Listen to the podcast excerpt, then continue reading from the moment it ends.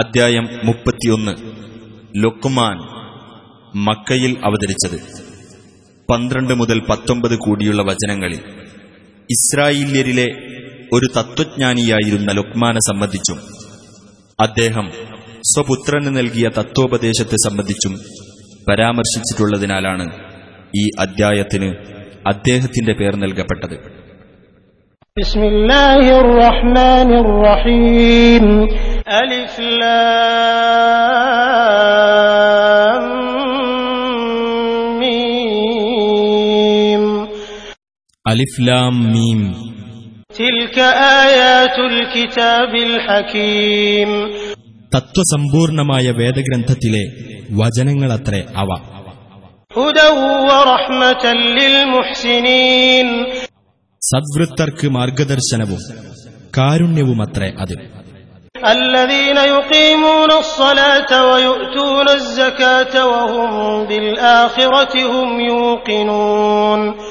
നമസ്കാരം മുറപ്രകാരം നിർവഹിക്കുകയും ജക്കാത്ത് നൽകുകയും പരലോകത്തിൽ ദൃഢവിശ്വാസമുള്ളവരായിരിക്കുകയും ചെയ്യുന്നവർക്ക്.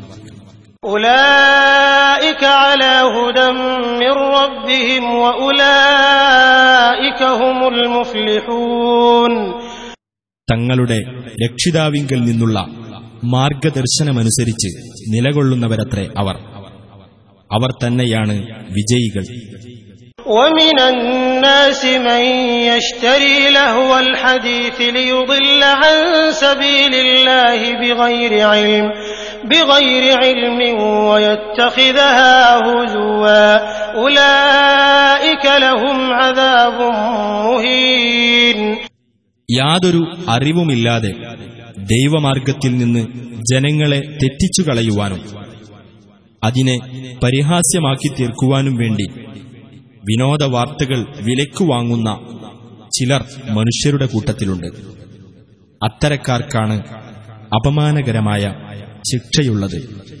وإذا تتلى عليه آياتنا ولى مستكبرا كأن لم يسمعها كأن لم يسمعها كأن في أذنيه وقرا فبشره بعذاب أليم അത്തരം ഒരാൾക്ക് നമ്മുടെ വചനങ്ങൾ ഓതി കേൾപ്പിക്കപ്പെടുകയാണെങ്കിൽ അവൻ അഹങ്കരിച്ചുകൊണ്ട് തിരിഞ്ഞുകളയുന്നതാണ് അവനത് കേട്ടിട്ടില്ലാത്ത പോലെ. അവന്റെ ഇരു കാതുകളിലും അടപ്പുള്ളതുപോലെ. ആകയാൽ നീ അവന് വേദനയേറിയ ശിക്ഷയെപ്പറ്റി സന്തോഷവാർത്ത അറിയിക്കുക. إن الذين آمنوا وعملوا الصالحات لهم جنات النعيم തീർച്ചയായും വിശ്വസിക്കുകയും സൽക്കർമ്മങ്ങൾ പ്രവർത്തിക്കുകയും ചെയ്തവരാരോ അവർക്കുള്ളതാണ് സുഖാനുഭൂതിയുടെ സ്വർഗത്തോപ്പുകൾ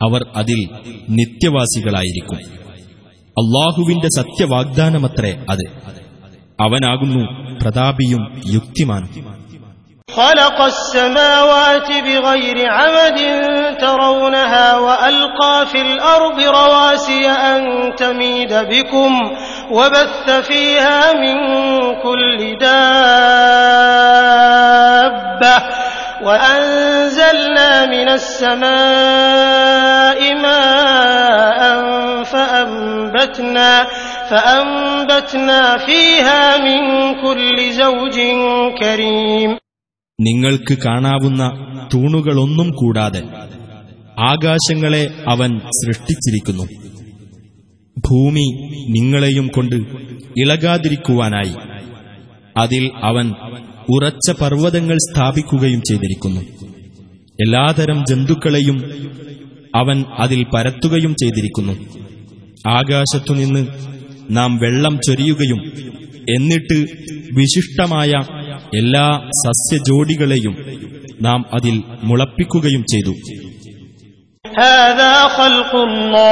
فأروني ماذا خلق الذين من دونه بل الظالمون في ضلال مبين ഇതൊക്കെ അള്ളാഹുവിന്റെ സൃഷ്ടിയാകുന്നു എന്നാൽ അവനു പുറമെയുള്ളവർ സൃഷ്ടിച്ചിട്ടുള്ളത് എന്താണെന്ന് നിങ്ങൾ എനിക്ക് കാണിച്ചു തരൂ അല്ല അക്രമകാരികൾ വ്യക്തമായ വഴികേടിലാകുന്നു ولقد آتينا لقمان الحكمة أن اشكر لله ومن يشكر فإنما يشكر لنفسه ومن كفر فإن الله غني حميد ലുക്മാന് നാം തത്വജ്ഞാനം നൽകുകയുണ്ടായി നീ അള്ളാഹുവോട് നന്ദി കാണിക്കുക ആർ നന്ദി കാണിച്ചാലും തന്റെ ഗുണത്തിനായി തന്നെയാണ് അവൻ നന്ദി കാണിക്കുന്നത് വല്ലവനും നന്ദികേട് കാണിക്കുകയാണെങ്കിൽ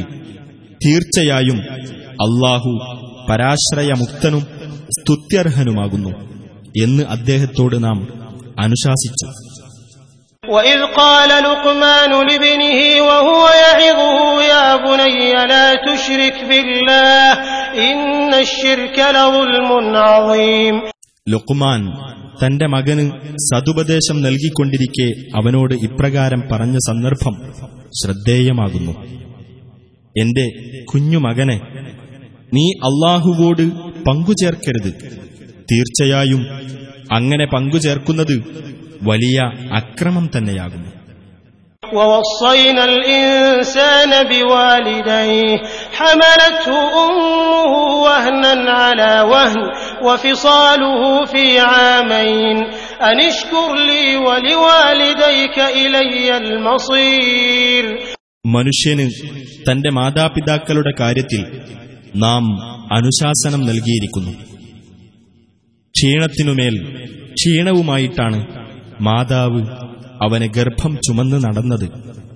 അവന്റെ മുലകുടി നിർത്തുന്നതാകട്ടെ രണ്ടു വർഷം കൊണ്ടുമാണ്. എന്നോടും നിന്റെ മാതാപിതാക്കളോടും നീ നന്ദി കാണിക്കൂ. എന്റെ അടുത്തേക്കാണ് നിന്റെ മടക്കം.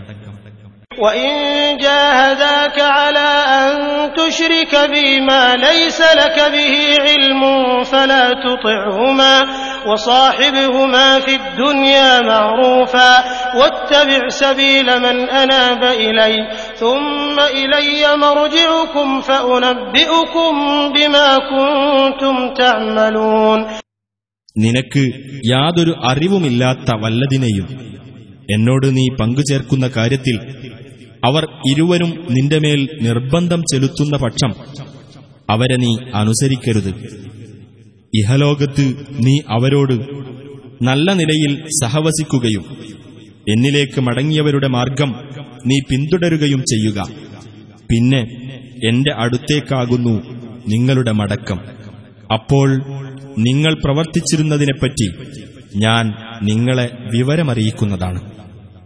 يا بني إنها إن تك مثقال حبة من خردل فتكن في صخرة فتكن في صخرة أو في السماوات أو في الأرض يأت بها الله إن الله لطيف خبير എന്റെ കുഞ്ഞുമകനെ തീർച്ചയായും കാര്യം ഒരു കടുകുമണിയുടെ തൂക്കമുള്ളതായിരുന്നാലും എന്നിട്ടത് ഒരു പാറക്കല്ലിനുള്ളിലോ ആകാശങ്ങളിലോ ഭൂമിയിലോ എവിടെ തന്നെ ആയാലും അള്ളാഹു അത് കൊണ്ടുവരുന്നതാണ് തീർച്ചയായും അള്ളാഹു നയജ്ഞനും സൂക്ഷ്മജ്ഞനുമാകുന്നു يا بني أقم الصلاة وأمر بالمعروف وانه عن المنكر واصبر على ما أصابك إن ذلك من عزم الأمور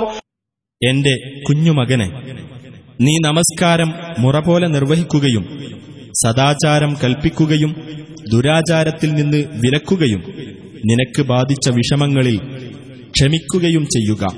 തീർച്ചയായും ഖണ്ഡിതമായി നിർദ്ദേശിക്കപ്പെട്ട കാര്യങ്ങളിൽപ്പെട്ടതത്രേ അത്.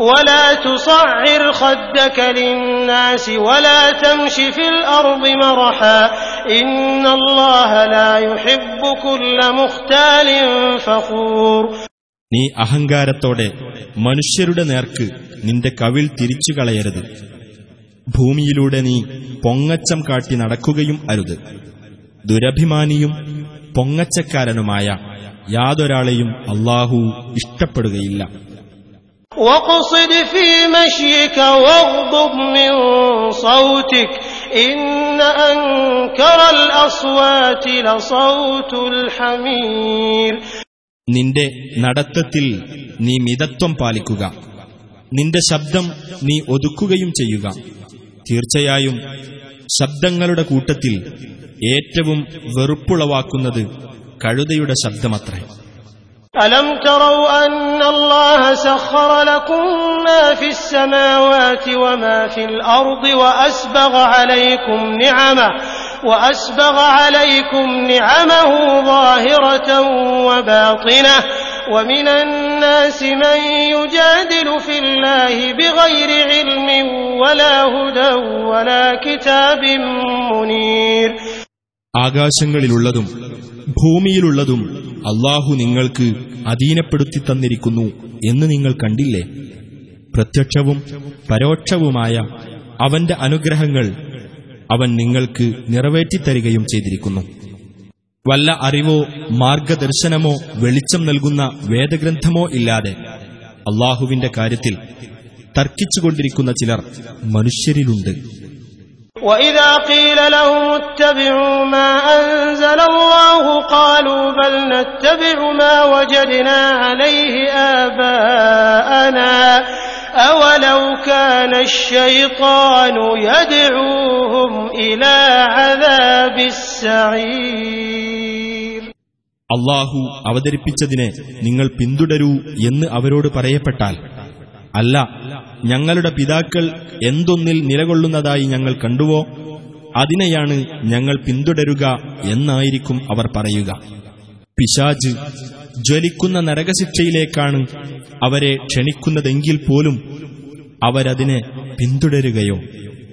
ومن يسلم وجهه إلى الله وهو محسن فقد استمسك بالعروة الوثقى وإلى الله عاقبة الأمور വല്ലവനും സദ്വൃത്തനായിക്കൊണ്ട് തന്റെ മുഖത്തെ അള്ളാഹുവിന് സമർപ്പിക്കുന്ന പക്ഷം ഏറ്റവും ഉറപ്പുള്ള പിടികയറിൽ തന്നെയാണ് അവൻ പിടിച്ചിരിക്കുന്നത് അള്ളാഹുവിങ്കലേക്കാകുന്നു കാര്യങ്ങളുടെ പരിണതി ومن كفر فلا يحزنك كفره إلينا مرجعهم إلينا مرجعهم فننبئهم بما عملوا إن الله عليم بذات الصدور വല്ലവനും അവിശ്വസിച്ചുവെങ്കിൽ അവന്റെ അവിശ്വാസം നിന്നെ ദുഃഖിപ്പിക്കാതിരിക്കട്ടെ നമ്മുടെ അടുത്തേക്കാണ് അവരുടെ മടക്കം അപ്പോൾ അവർ പ്രവർത്തിച്ചതിനെപ്പറ്റി നാം അവരെ വിവരമറിയിക്കുന്നതാണ്. തീർച്ചയായും അള്ളാഹു ഹൃദയങ്ങളിലുള്ളതിനെപ്പറ്റി അറിവുള്ളവനാകുന്നു.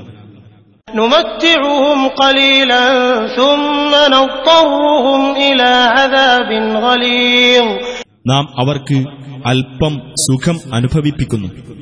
പിന്നെ കഠിനമായ ശിക്ഷയിലേക്ക് നാം അവരെ തള്ളിവിടുന്നതാണ്.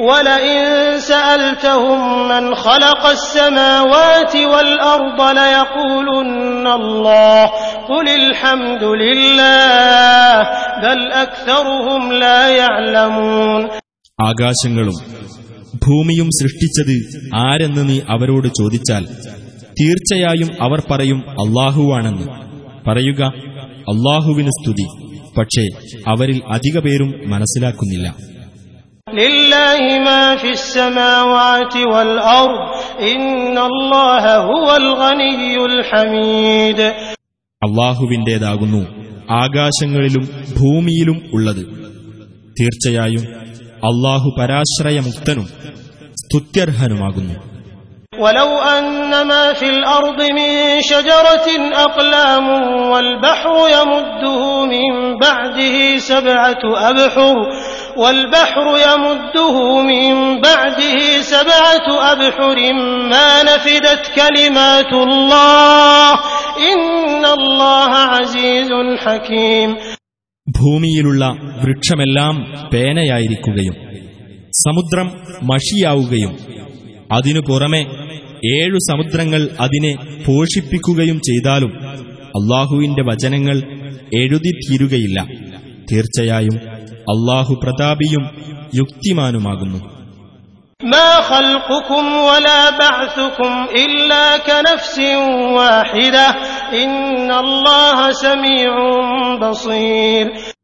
നിങ്ങളെ സൃഷ്ടിക്കുന്നതും പുനരുജ്ജീവിപ്പിക്കുന്നതും ഒരൊറ്റ വ്യക്തിയെ സൃഷ്ടിക്കുകയും പുനരുജ്ജീവിപ്പിക്കുകയും ചെയ്യുന്നത് പോലെ മാത്രമാകുന്നു. തീർച്ചയായും അള്ളാഹു എല്ലാം കേൾക്കുകയും കാണുകയും ചെയ്യുന്നവനത്രേ. ألم تر أن الله يولج الليل في النهار ويولج النهار في الليل وسخر الشمس والقمر وسخر الشمس والقمر كل يجري إلى أجل مسمى وأن الله بما تعملون خبير അള്ളാഹു രാത്രിയെ പകലിൽ പ്രവേശിപ്പിക്കുകയും പകലിനെ രാത്രിയിൽ പ്രവേശിപ്പിക്കുകയും ചെയ്യുന്നു എന്ന് നീ ചിന്തിച്ചു നോക്കിയിട്ടില്ലേ? അവൻ സൂര്യനെയും ചന്ദ്രനെയും അധീനപ്പെടുത്തുകയും ചെയ്തിരിക്കുന്നു. എല്ലാം നിർണിതമായ ഒരു അവധി വരെ സഞ്ചരിച്ചുകൊണ്ടിരിക്കുന്നു. നിങ്ങൾ പ്രവർത്തിക്കുന്നതിനെപ്പറ്റിയെല്ലാം അള്ളാഹു സൂക്ഷ്മമായി അറിയുന്നവനാണെന്നും നീ ആലോചിച്ചിട്ടില്ലേ? ذلك بأن الله هو الحق وأن ما يدعون من دونه الباطل وأن الله هو العلي الكبير അതെന്തുകൊണ്ടെന്നാൽ അള്ളാഹുവാണ് സത്യമായിട്ടുള്ളവൻ അവനു പുറമെ അവർ വിളിച്ചു പ്രാർത്ഥിക്കുന്നതെല്ലാം വ്യർത്ഥമാകുന്നു അള്ളാഹു തന്നെയാകുന്നു ഉന്നതനും വലിയവനും ألم تر أن الفلك تجري في البحر بنعمة الله ليريكم من آياته إن في ذلك لآيات لكل صبار شكور കടലിലൂടെ കപ്പലുകൾ സഞ്ചരിക്കുന്നത് അള്ളാഹുവിന്റെ അനുഗ്രഹം നിമിത്തമാണെന്ന് നീ കണ്ടില്ലേ അവന്റെ ദൃഷ്ടാന്തങ്ങളിൽ ചിലത് നിങ്ങൾക്ക് കാണിച്ചു തരുവാൻ വേണ്ടിയത്രേ അത് ക്ഷമാശീലരും നന്ദിയുള്ളവരുമായ ഏവർക്കും തീർച്ചയായും അതിൽ ദൃഷ്ടാന്തങ്ങളുണ്ട്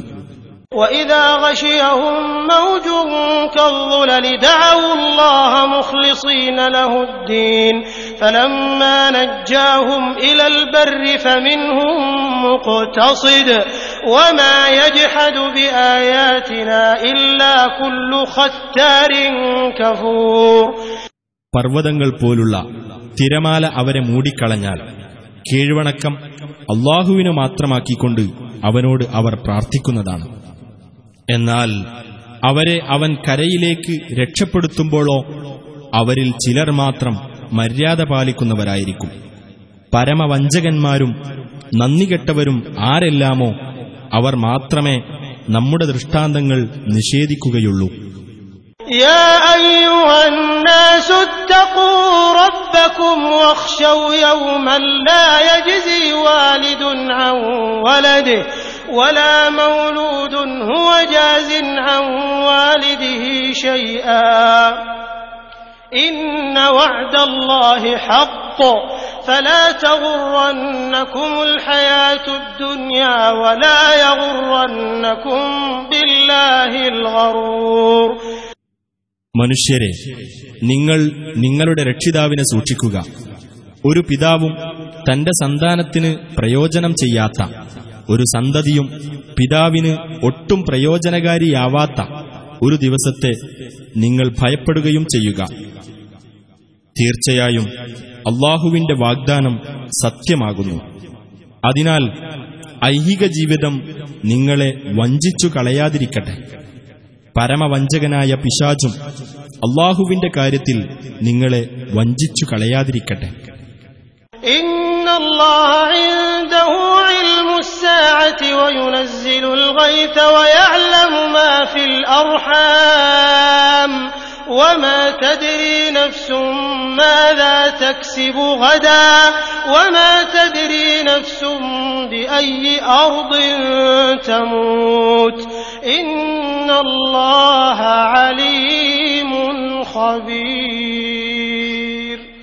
തീർച്ചയായും അള്ളാഹുവിന്റെ പക്കലാണ് അന്ത്യസമയത്തെപ്പറ്റിയുള്ള അറിവ്. അവൻ മഴ പെയ്യിക്കുന്നു. ഗർഭാശയത്തിലുള്ളത് അവൻ അറിയുകയും ചെയ്യുന്നു. നാളെ താൻ എന്താണ് പ്രവർത്തിക്കുക എന്ന് ഒരാളും അറിയുകയില്ല. താൻ ഏത് നാട്ടിൽ വെച്ചാണ് മരിക്കുക എന്നും ഒരാളും അറിയുകയില്ല. തീർച്ചയായും അള്ളാഹു സർവജ്ഞനും സൂക്ഷ്മജ്ഞാനിയുമാകുന്നു.